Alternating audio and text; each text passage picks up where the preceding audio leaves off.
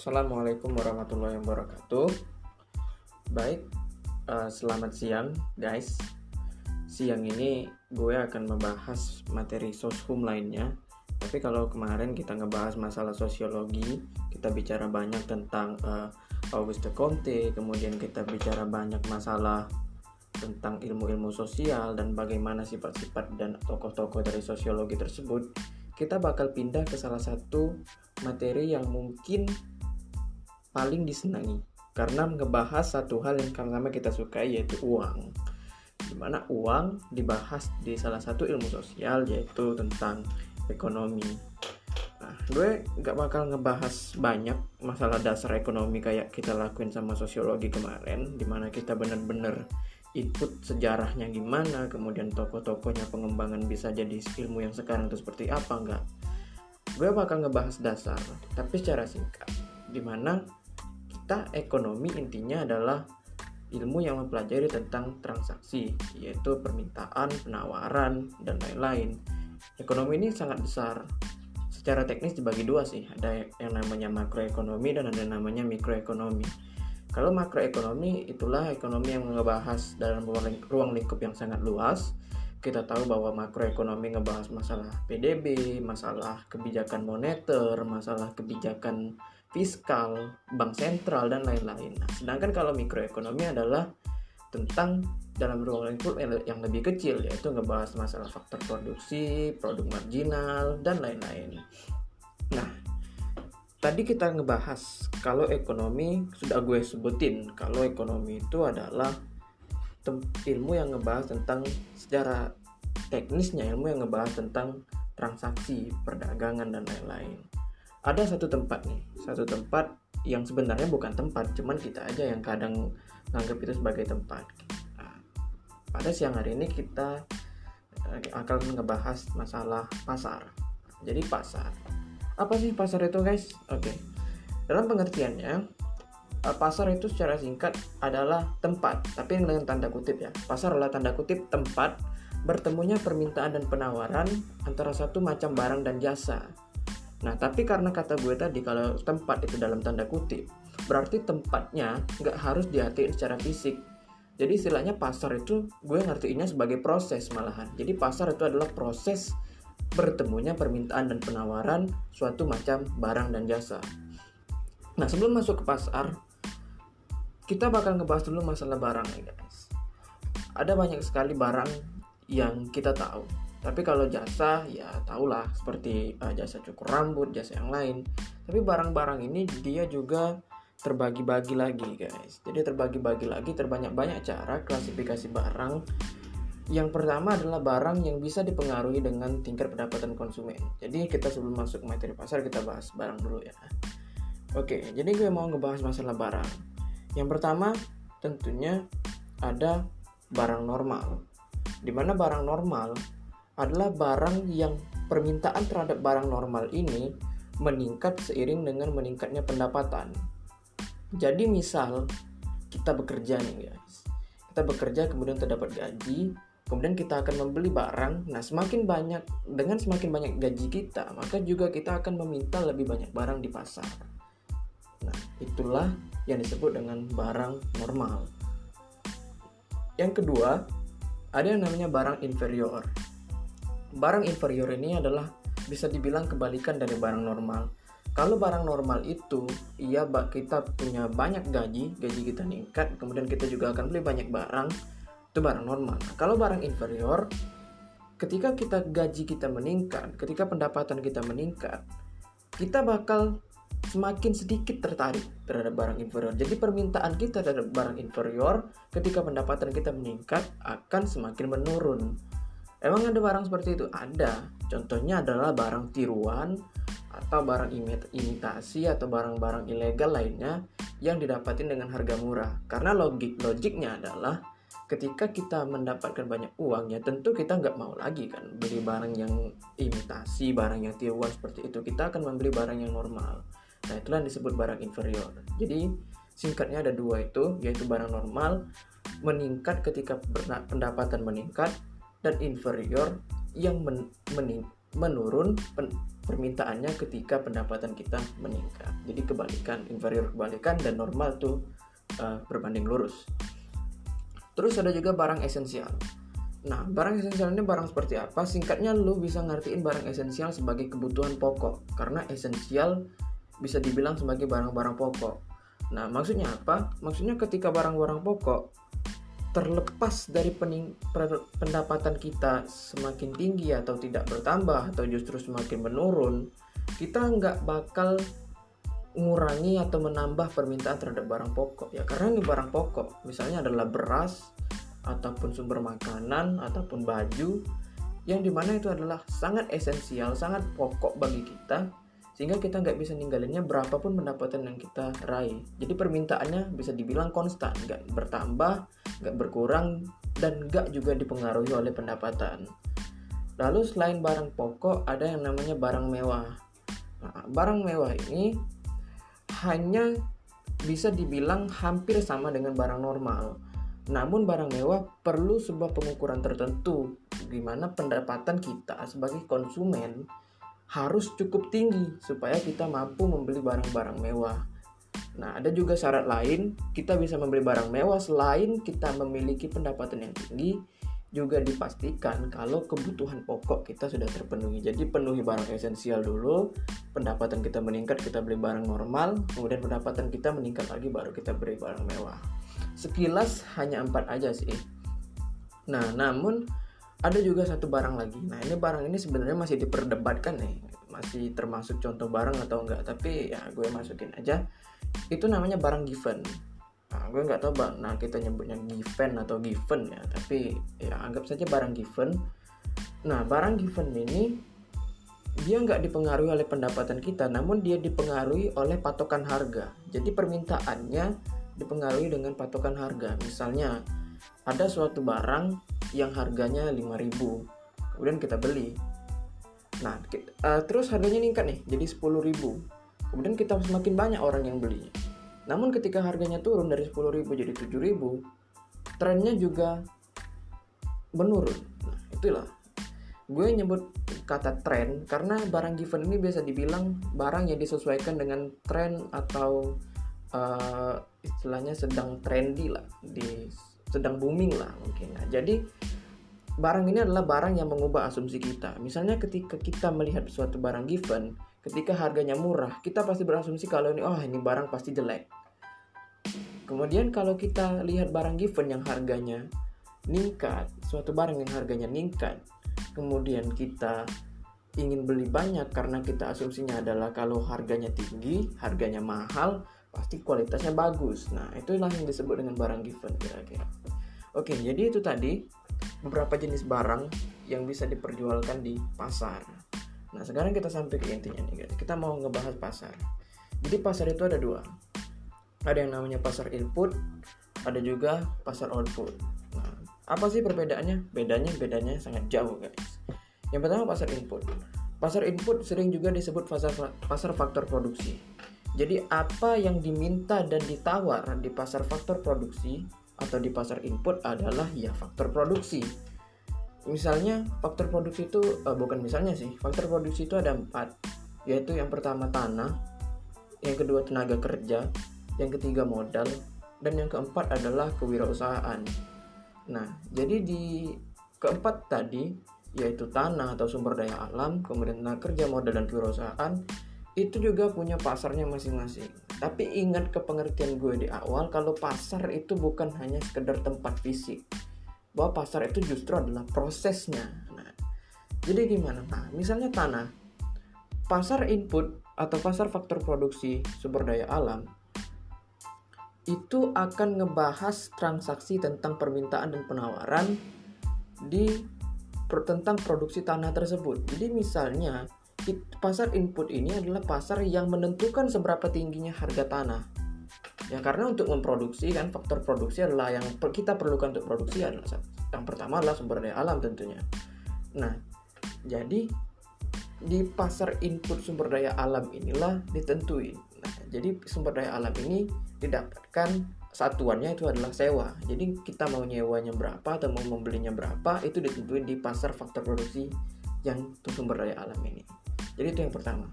Yang kedua adalah pasar input tenaga kerja.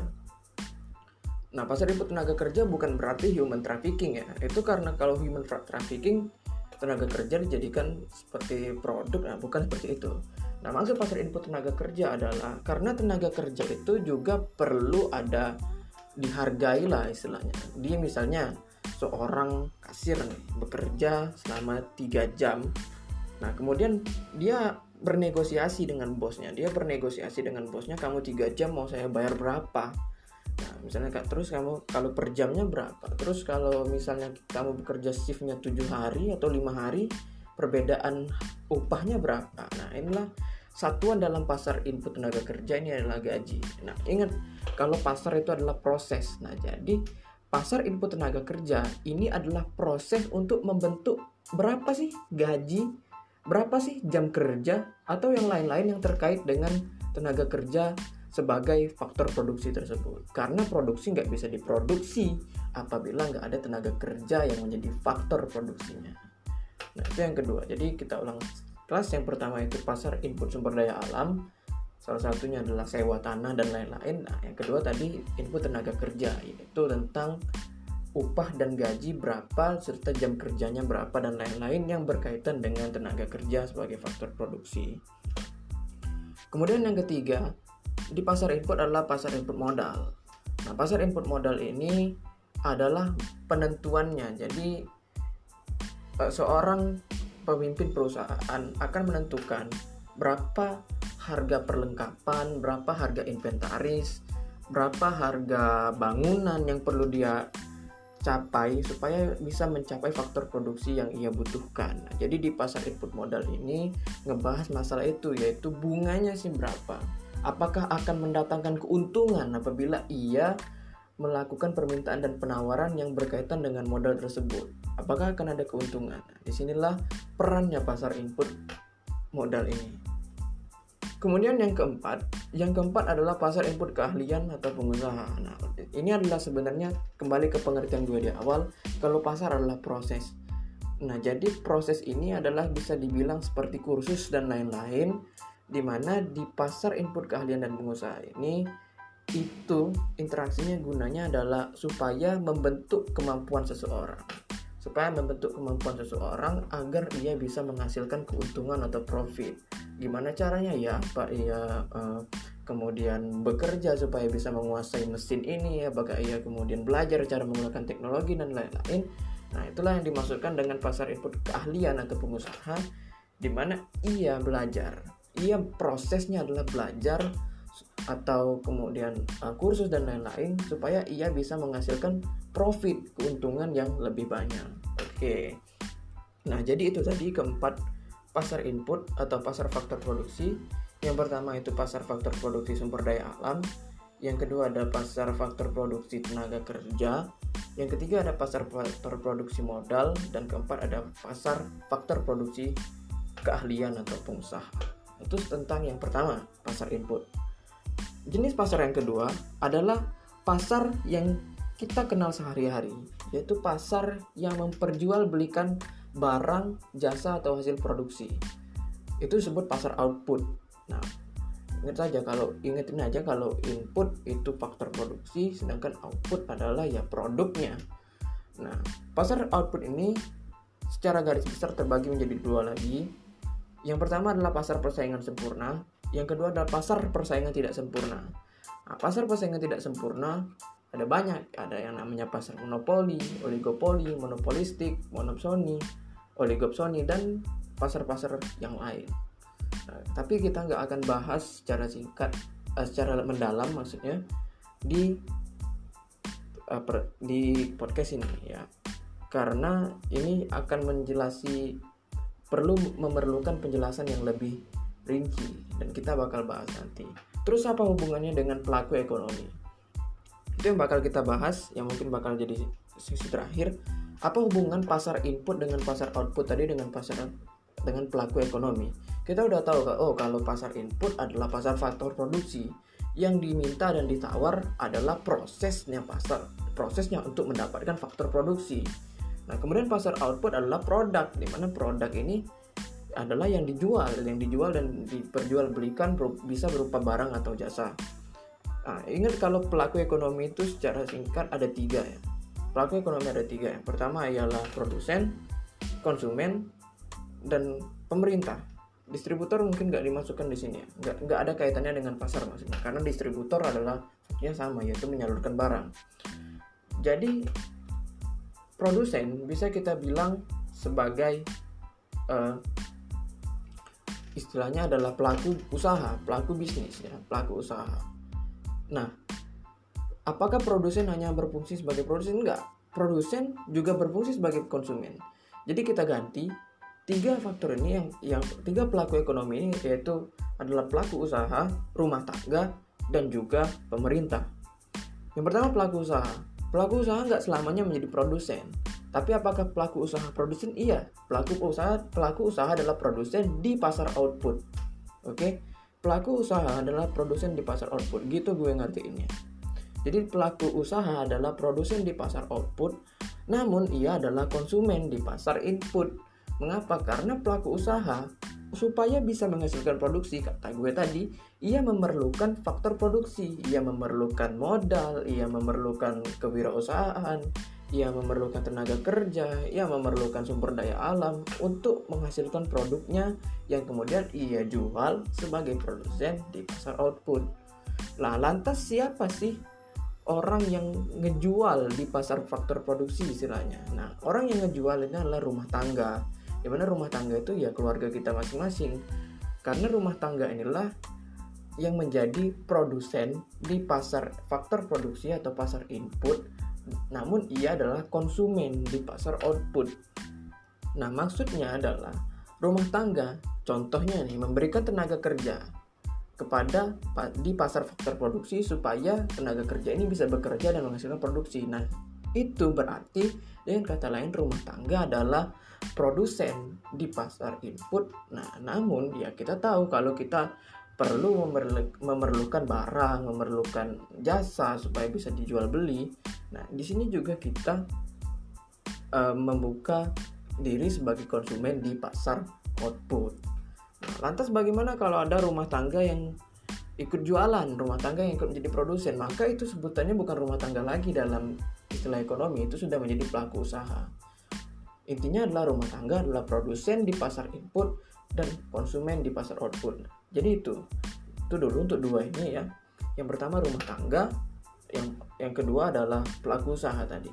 Pelaku usaha adalah produsen di pasar output namun konsumen di pasar input. Sedangkan rumah tangga adalah produsen di pasar input dan konsumen di pasar output. Nah, kemudian yang ketiga adalah pemerintah. Pemerintah bisa menjadi produsen dan konsumen baik di pasar input maupun di pasar output.